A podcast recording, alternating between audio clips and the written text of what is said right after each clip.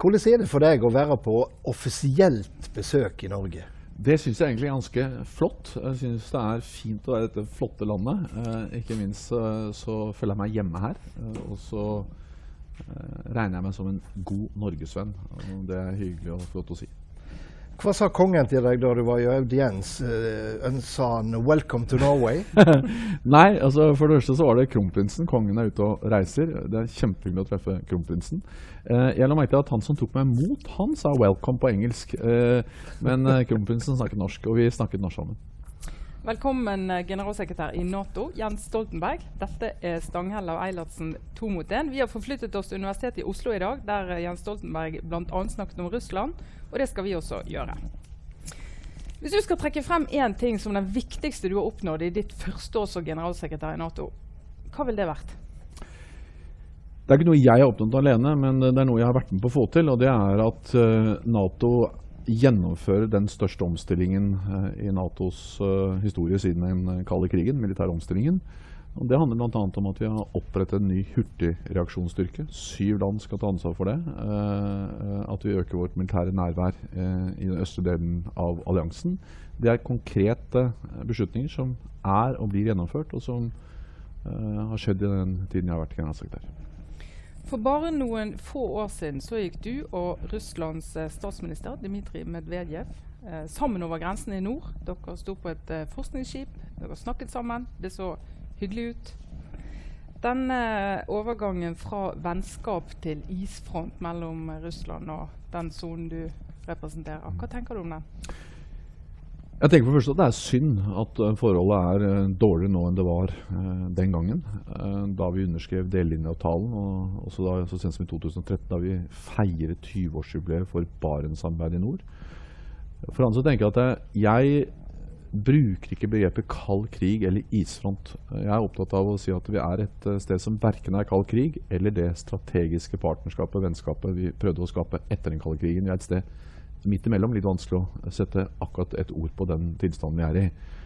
Fordi det er fortsatt politisk kontakt, eh, dialog med Russland. Både fra Nato, men også fra eh, Natos medlemsland. Eh, og det er jo fortsatt veldig mange land som samarbeider eh, med Russland. Norge gjør det i nord. Uh, I går var det en øvelse, altså søk- og redningsøvelse mellom norske og, og Norge og Russland i Varangerfjorden. Så det er viktig å være glad at vi fortsatt har samarbeid mellom Nato-land og Russland, og fortsatt har politisk dialog. Men det er i en annen tid der det også er gjennomført eh, økonomiske sanksjoner, og der Nato har innstilt sitt praktiske samarbeid. Hvis Russland skulle gjenopprette det gode forholdet til Europa og Nato i år, mm. hva må de gjøre? Hva er det første de må gjøre? Det første de må gjøre, er jo respektere eh, folkeretten. Uh, respektere grensene til sine naboer. Og det handler om uh, Ukraina, uh, der de har brukt militær makt til å endre landegrenser, til å undergrave et lands uavhengighet og stabilitet. Det er det som utløste de økonomiske sanksjonene. Det er det som utløste Russlands, nei, Natos eh, økte militære nærvær i eh, øst. Uh, og Det har vært den viktigste utløsende faktor for de problemene vi nå er oppe i. Jeg skulle ønske meg en mer forsiktig ordbruk fra Natos side, sa russlandsforsker uh, Julie Wilhelmsen til NRK. Kommentar til det? Først vil jeg si at jeg mener at det er viktig at forskere, journalister, eh, alle deltar i en debatt om akkurat hvor balansen går i en krevende tid. Samtidig så er jeg opptatt av å hele tiden finne balansen mellom det å beskrive en virkelighet som er mer negativ enn den var for få år siden, uten å dramatisere situasjonen. og det som er mitt budskap i så godt som alle taler, det er at det er ingen motsetning mellom styrke, fasthet, forutsigbarhet eh, gjennom en sterk militær forsvarsallianse som Nato, og samarbeid, dialog. Tvert imot så er min erfaring som norsk politiker og Norges erfaring gjennom tiår det er at styrke gjennom medlemskap i Nato-alliansen er den plattformen et land som Norge har trengt for å kunne ha samarbeid og dialog med Russland. Vi kan ikke samarbeide ut fra svakhet, vi må samarbeide ut fra eh, den selvtilliten som eh, styrke gir. Men det er altfor mye pisk og for lite gulrot, sier en annen russlandskjenner, Tormod Heier. Eh, er dere for enspora, Stoltenberg? Jeg mener at vi fra Natos side og fra min side som en del av det gang for gang, eh, senest i en stor tale jeg holdt i Washington for få dager siden, understreker eh, at Nato ikke søker konfrontasjon med Russland. Nato søker samarbeid. Eh, viser at eh, også Russland vil tjene på sa samarbeid. Viser alt vi har gjort gjennom mange år for å få til samarbeid. Åpne grenser, få til handel. Ta med Russland i Verdens eh, eh, handelsorganisasjon. Ta med utvide G7 til G8. Alt det har vi gjort for, å, for vi tror på samarbeid som idé, som konsept. Gjensidig nytte. Men samarbeid må bygge på et minimum av respekt for de du samarbeider med. Uh, og bl.a. å respektere grenser til naboen er den type uh, minimum av respekt som er forutsetning for å ha den tilliten som samarbeid krever.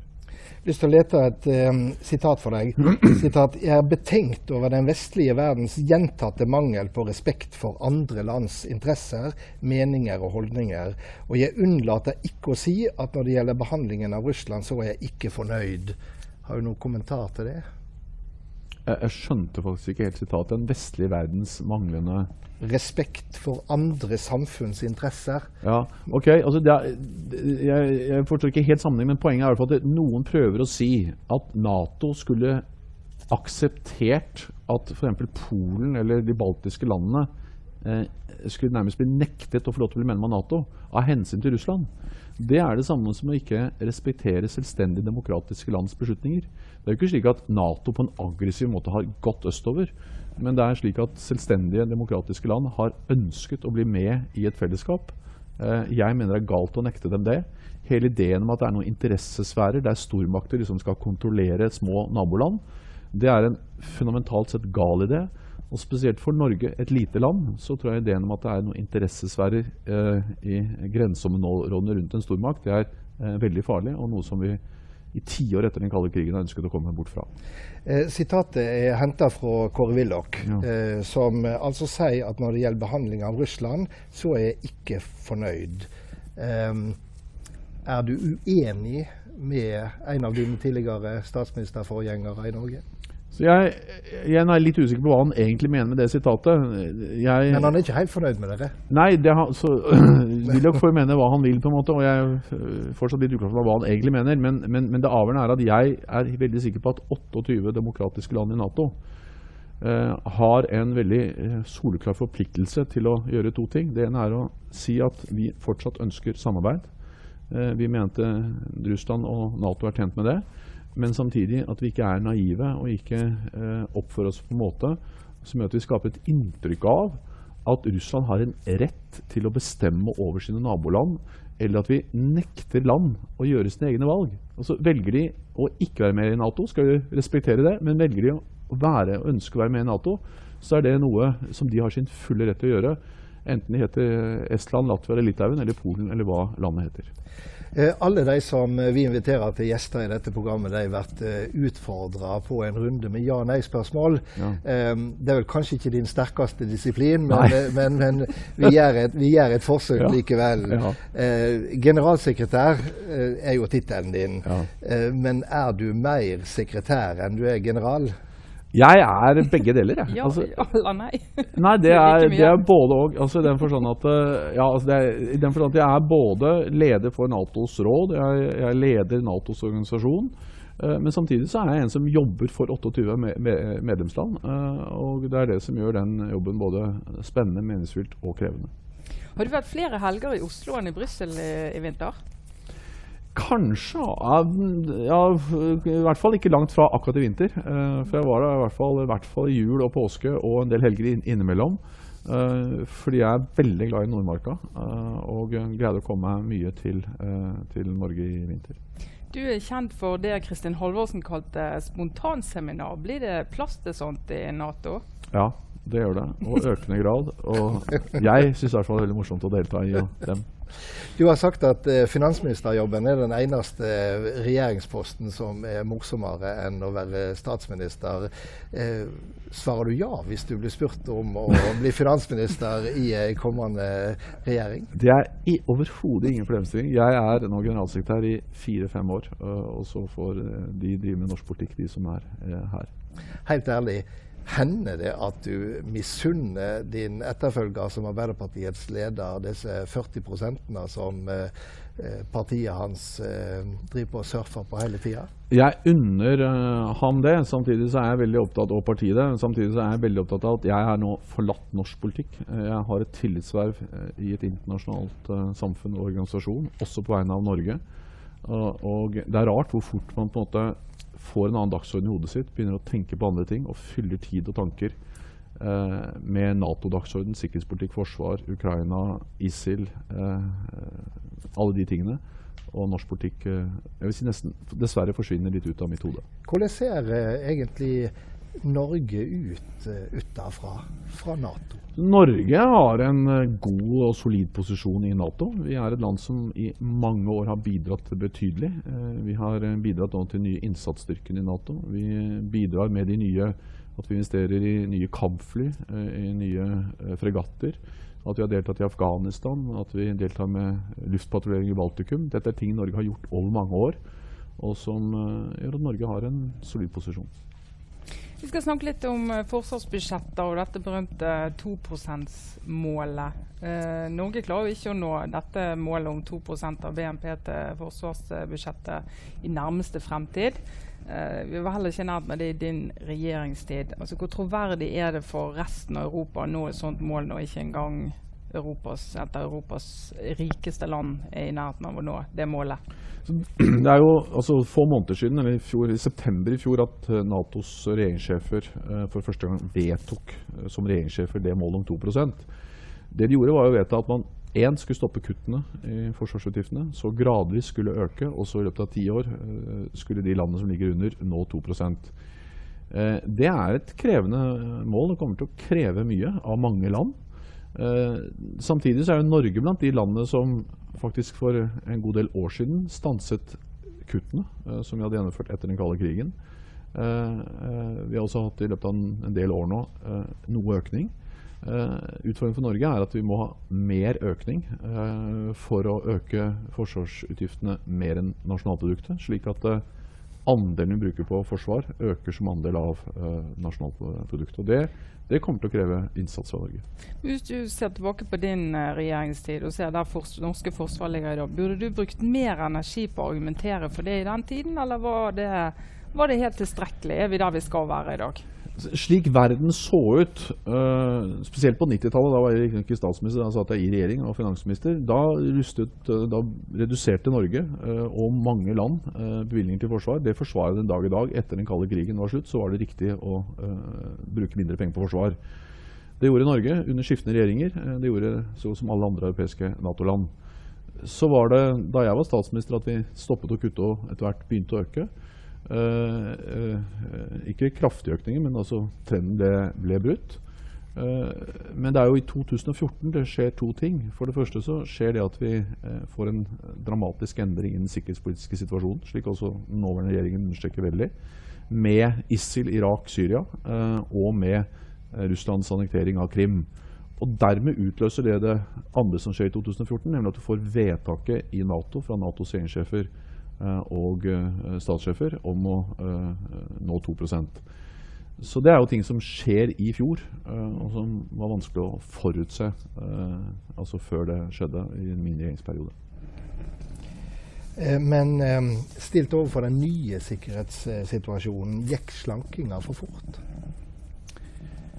Altså Etterpåklokskap er på en måte en veldig sånn uh, lite fruktbar form for uh, uh, si, aktivitet. I den forstand at det, det, har vært bred enighet om at vi reduserte fra et høyt nivå under kalde krigen ned til det nivået vi hadde da i første årene av 2000-tallet, og at vi så stabiliserte og begynte å øke fra rundt 2005 og utover som prosent av nasjonalproduktet. Hvis man hadde visst alt det man nå vet, eh, så kan det godt hende at det, beslutninger skulle ha gjort annerledes. Men altså, det var få som forutså ISIL. Eh, eh Sammenbruddet i Syria og Irak og ISILs kraftige framvekst der. Det var ingen som forutså Krim. Så styrken til Nato er at man greier å tilpasse seg når verden endrer seg, også på uforutsette måter. Nå har verden endret seg. Det er uforutsette hendelser. Da må vi eh, tilpasse oss det. og Det er det Nato og Norge er i gang med. Og Norge er jo en del av den omstillingen eh, som er bra at nå skjer. Men øh, hvis vi nå går fra det tilbakeskuende til det mer framoverskuende. Øh, din forsvarssjef øh, Sverre Disen han skrev i en kronikk i Aftenposten for kort tid siden at regjeringa viderefører en forsvarspolitikk som innebærer en avvikling av en nasjonalt basert forsvarsevne innenfor en tidshorisont på 10-15 år. Det er ganske dramatiske ord fra en forsvarsekspert. Det Norge har gjort, og som eh, ja, under ulike regjeringer har vært gjennomført, og som jeg er enig i, det er at vi har gjennomført en veldig omfattende omstilling av Forsvaret. Uh, ved at vi har høyere kvalitet, uh, mer bedre utstyr, investerer i dyre fregatter, dyre kampfly, andre typer uh, meget avansert utstyr. så har vi redusert størrelsen på forsvaret vårt. Det er jo det som nå utfordres med den nye sikkerhetspolitiske situasjonen. og Uten at jeg skal gi noe mening om enkeltheter i norsk forsvarspolitikk, det tror jeg norsk regjering skal håndtere, og ikke jeg som generalsekretær, så er jo det som Norge opplever, er noe veldig mange Nato-land opplever. At man har altså, høyere kvalitet, men mindre styrker. Eh, nå må man være mer opptatt av å øke eh, altså antallet. Eh, få et større og sterkere forsvar. Og Det har norske regjering satt på dagsordenen, og det er veldig bra.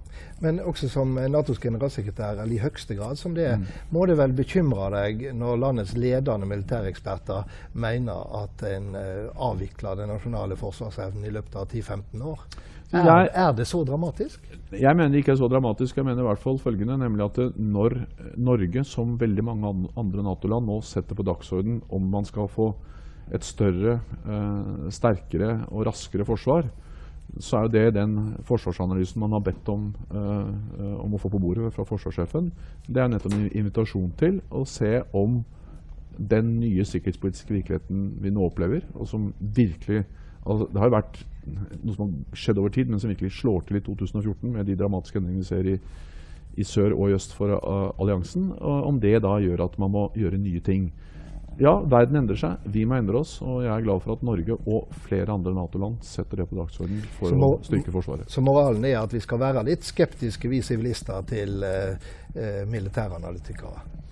Mm, man skal være skeptisk til alle eksperter, enten de er eh, økonomer eller uh, militære. Uh, men det er jo politikernes oppgave å lytte til ekspertene, se virkeligheten og så gjøre endringer.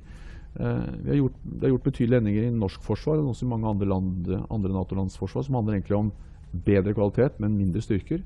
Nå må man nok også se litt på å øke antallet styrker for å ha mer utholdenhet og mer dybde, som man sier på forsvarsspråket fordi vi står overfor en ny virkelighet. Det kan Norge gjøre, akkurat som andre Nato-land er i ferd med å gjøre. Vi skal uh, sørover. Um, Nato bombet Libya for å unngå et uh, folkemord.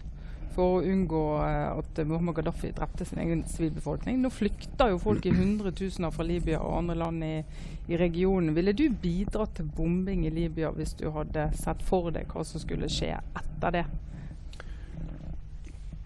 Det Nato gjorde, var basert på et veldig tydelig FN-mandat uh, uh, gå inn i Libya for å stanse overgrep mot sivilbefolkningen fra uh, Gaddafi-regimet. Det var ikke slik at Libya var et stabilt land da Nato gikk inn. Libya var i borgerkrig, og det var et sterkt ønske i og for seg fra hele det politiske spekteret, høyre til venstre, fra FN om at noen tok ansvar for å stanse de overgrepene. Den militære operasjonen var, nådde det målet. Problemet var at da den var avsluttet, så eh, var verdenssamfunnet ikke nok til stede for å bidra til stabilisering etterpå. Det er det mange som skal ta ansvar for. altså hele verdenssamfunnet, Europa, FN, eh, mange. Eh, det jeg tror er lærdommen er både fra Afghanistan, Irak eh, og Libya, veldig forskjellige situasjoner, det er at det er viktig noen ganger å bruke militærmakt. Men det er ekstremt viktig å tenke på at militærmakt er et veldig sterkt virkemiddel. At det koster mye i form av tapte menneskeliv. Og at man må gjøre mer for å forhindre krise, forebygge, og mer for å stabilisere etter at militærmakt er brukt. Og Det er eh, noe jeg er opptatt av som Nato-generalsekretær, at vi skal være bedre på det. Eh, at vi skal prøve å uh, bidra til stabilitet og sikkerhet. Ikke alltid ved å utplassere Nato-styrker, men ved å hjelpe lokale styrker, lokale myndigheter, til å ta mer ansvar for egen sikkerhet. Uh, og Det er en ny tenkning i Nato som jeg mener er en lærdom etter mange år med krisehåndtering ute. Noe av det tyngste delen av ansvaret som statssjef eller regjeringssjef, det er jo nettopp det å lede styrker som er med på den type operasjoner. Eh, kjenner du av og til på et ansvar eller en litt sånn vond følelse med tanke på det som skjedde i, i Libya etterpå? da du var Jeg kjenner veldig ansvar, og jeg kjenner veldig viktigheten av å forstå alvoret i å bruke militærmakt, enten det er i Afghanistan, eller det er i eh, Libya, eller det er i Balkan, eh, hvor eh, Nato også deltok i typer, flere typer militære operasjoner. Eh, de eneste menneskene som har det enkelt, det er de som enten alltid er for å bruke militærmakt, eller alltid er mot å bruke militærmakt. Virkeligheten er et sted i dette vanskelige rommet midt imellom, hvor det noen ganger er riktig, andre ganger er feil. Uh, og hvor det er viktig å forstå at selv når det er riktig å bruke militærmakt, så er militærmakt ikke det eneste svaret på problemet. Du må gjøre mye mer. Et, jeg har også opplevd en periode hvor verdenssamfunnet, Nato, ble kritisert for at vi ikke grep inn. Uh, man sto og så på overgrep i Rwanda. Mennesker ble slaktet, og verdenssamfunnet gjorde ikke noe. Man sto og så på overgrep i Sebrenica. Mennesker ble massakrert. Verdenssamfunnet gjorde ingenting. Det var nok noe av grunnen til at man brukte militærmakt senere eh, i Serbia og Kosovo, Bosnia-Hercegovina. Som jeg tror alt i alt har bidratt til stabilitet, hindret tap av menneskeliv, fred eh, i den delen av verden. Så den vanskelige virkeligheten er at du må Det er aldri mulig å si helt sikkert når er det riktig å bruke militærmakt, når er det feil. Eh, men det valget må vi noen ganger ta, og så må vi forstå at Eh, det krever mer enn bare militærmakt. Det krever også politisk innsats, stabilisering både før og etterpå. Du er sitert på at um, Libya-operasjonen var en utmerket trening for det norske luftforsvaret. Um, er det en tilnærming som uh, du fortsatt uh, bruker? Altså Det er helt feil. Uh, har, uh, det har aldri vært uh, verken hensikten eller formålet eller noe jeg har sagt om den operasjonen. Det jeg har sagt, det er at, og det sa jeg også som statsminister, er at det norske luftforsvaret viste kvalitet, viste at de er blant, blant, de beste i verden, til å gjennomføre et oppdrag som hadde et veldig tydelig FN-mandat og som var et oppdrag i et Libya som var preget av borgerkrig og kaos, og der sivile eh, ble drept. Eh, så er ikke militære maktmidler, luftforsvar, det man bruker for å stabilisere en situasjon etterpå. Så det er veldig viktig å måtte forstå at den militære operasjonen ble i og for seg gjennomført som FN, verdenssamfunnet, ba oss om å gjøre. Det, det sviktet etterpå. Uh, og, uh, og, min lærdom av det er egentlig som Nato-generalsekretær å være opptatt av det vi kaller kapasitetsbygging. Uh, vi gjør det nå i Afghanistan. Der har vi jo sluttet å delta i kampoperasjoner. Vi driver trening, opplæring, hjelp. Ikke fordi vi er sikre på at det kommer til å løse alle problemer, men fordi vi er sikre på at det er i hvert fall et bidrag til at afghanerne kan ta ansvar for egen sikkerhet selv. Det er bedre at land tar ansvar for egen sikkerhet, enn at fremmede styrker kommer og gjør det for dem. Uh, vi gjør det uh, i Jordan, hvor vi hjelper et stabilt land i Midtøsten om å fortsatt være stabilt. Og vi jobber med Irak for å hjelpe dem på samme måte. Ikke utplassere styrker, men bidra til at de kan ta ansvar for egen sikkerhet. Vi nærmer oss uh, avslutningen og skal ja. gå inn i en langt mindre dramatisk del av din eh, tilværelse. Du møter mange statsledere. Hvem er de du møter, har du best kjemi med? Ja, det er alltid farlig å svare på sånne spørsmål, for det betyr på en sånn dårlig kjemi med andre. Men jeg kan jo si at det, eh, noen av de jeg kjenner best, sånn som Angela Merkel, har jo truffet over mange år. Vi ble statsministre eh, samtidig, i 2005. Vi jobbet mye sammen på klima. Satt dette, eh, disse lange nettene i København i 2009 og, og, sånn. Og da får man en egen kjemi, en egen nærhet. Eh, Obama har også henne truffet mange ganger og opplevd at også de to var blant de som måtte støttet uh, mitt kandidatur som generalsekretær. Mm. Uh, men jeg, jeg, opplever at når du treffer regjeringssjefer, uh, enten du har truffet dem, dem, for første gang eller du har, truffet dem over mange år, så er det veldig lett å få kontakt med dem. det å være politisk leder er stort sett sosiale, hyggelige mennesker. ellers blir du ikke politisk leder, så jeg har lett for å bli venner med politisk leder. Hvem av alle disse du, ville du foretrukket hvis du skal sette deg ned og drikke et snitt belgisk øl? Eh, altså det jeg kan si er at det har jeg gjort flere ganger med Angela Merkel. sånn at der har jeg erfaring. Og hun drikker hvitvin, og jeg drikker øl. Eh, og for å si det sånn, hun eh, går ikke først. Eh, så jeg er egentlig veldig imponert over hennes kondis. Og vi hadde en eh, jeg tror i Stralsund eh, hvor vi hadde en veldig hyggelig kveld for, ikke, ja, for en stund siden. Så, eh, men det, igjen, igjen så eh, tror jeg at altså, politiske ledere er hyggelige mennesker. Ellers så hadde de ikke blitt valgt.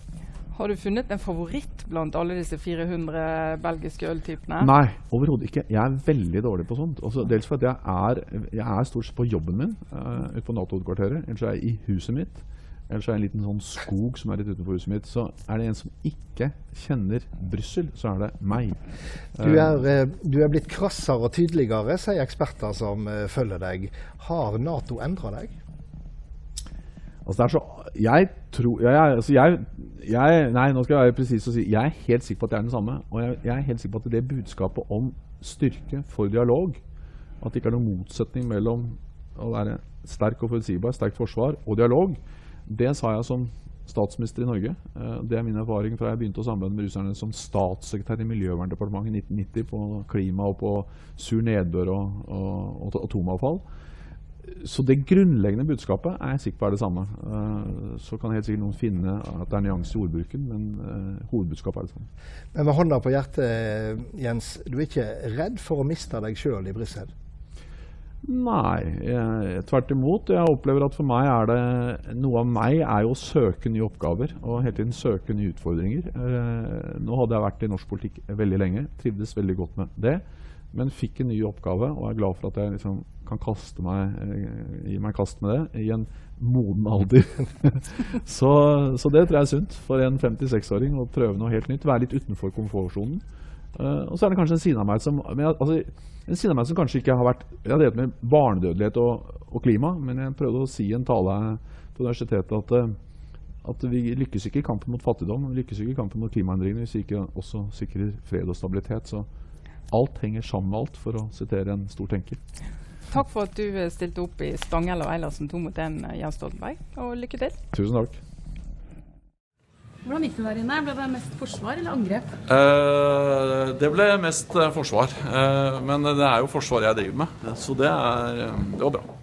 Men Nå er du tilbake på Blindern, hvor du var student en gang for lenge siden. Hvordan er det? Det er strålende. Jeg liker meg veldig godt på Blindern. Jeg, jeg liker sånn luften av universitet, og akademia.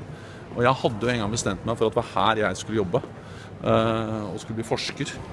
Eh, og det greide jeg egentlig å jobbe med i to år. Da jeg jobbet i forskningsavdelingen i Statistisk sentralbyrå.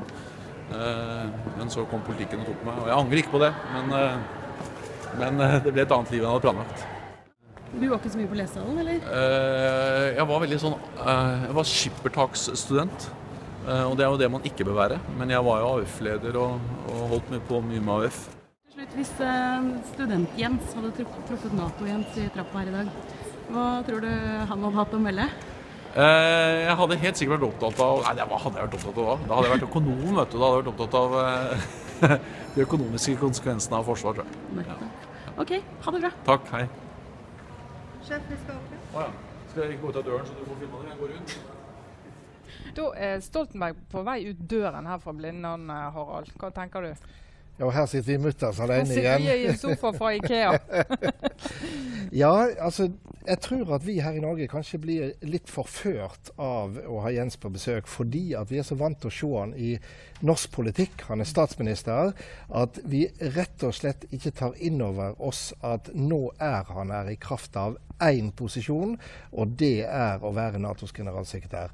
Han er det, han snakker sånn, og det er Nato-båskapen vi hører, og ikke et Stoltenberg-båskap. I den grad er eh, motsetninger der. Ja, Det er jo interessant å se her etter foredraget han holdt på universitetet i dag, at den selfie-iveren både til han og til publikum er like sterk som før. Og det hadde det jo ikke vært hvis det var bare generalsekretæren i Nato de mente de møtte. Så der er det, det er i hvert fall klare trekk av gamle Jens. Personlig syns jeg det er interessant å legge merke til at eh, mens forgjengeren Anders Fogh Rasmussen hadde en knallhard tone, så trodde mange at Jens Stoltenberg ville ha en helt annen og forsonende tone. Det har han ikke. Han er blitt eh, meget klar i egenskap av Natos generalsekretær. Jeg syns du skal snakke på vegne av land som ligger helt inntil Russland, og, og ønsker at han skal være tydelig òg. Så det er jo interessant å se den tidligere statsministeren, finansministeren, som eh, forsvarer at de norske forsvarsbudsjettene har vært som de er. Eh, så det er jo lett å følge ham på at på 90-tallet hadde det vært helt unaturlig å kjempe for store og sterke forsvarsbevilgninger. Men eh, spørsmålet er jo fremdeles om, eh, om det ble bygget ned for mye den gangen, og om vi var for sein med å komme i gang. Men det etterpåklokskap er jo den enkleste øvelsen.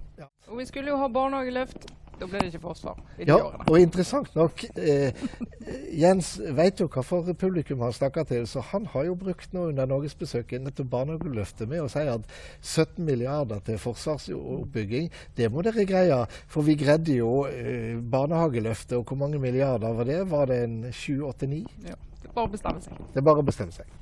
Det er vel strengt tatt det politikk går ut på. Ja.